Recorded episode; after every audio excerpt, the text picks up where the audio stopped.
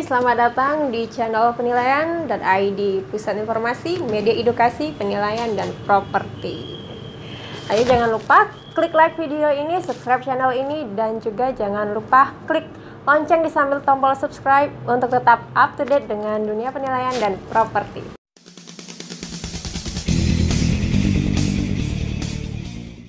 Nah, hari ini kita akan membahas mengenai penilaian Nah, banyak yang belum tahu kan penilaian itu apa?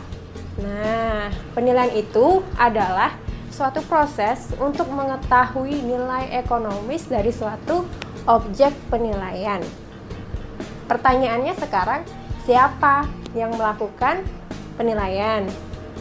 Atau pertanyaan selanjutnya, objek penilaian itu apa? Di Indonesia itu sebenarnya ada dua nih. Ada yang disebut dengan penilai publik dan juga penilai pemerintah. Sekarang kita membahas penilai publiknya dulu.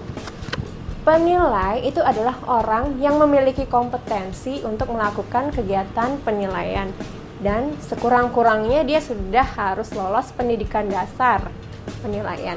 Nah, itu untuk informasi lebih lengkapnya teman-teman bisa cari di PMK 101 tahun 2014. Selain penilai, kita kenal juga yang disebut dengan istilah penilai publik.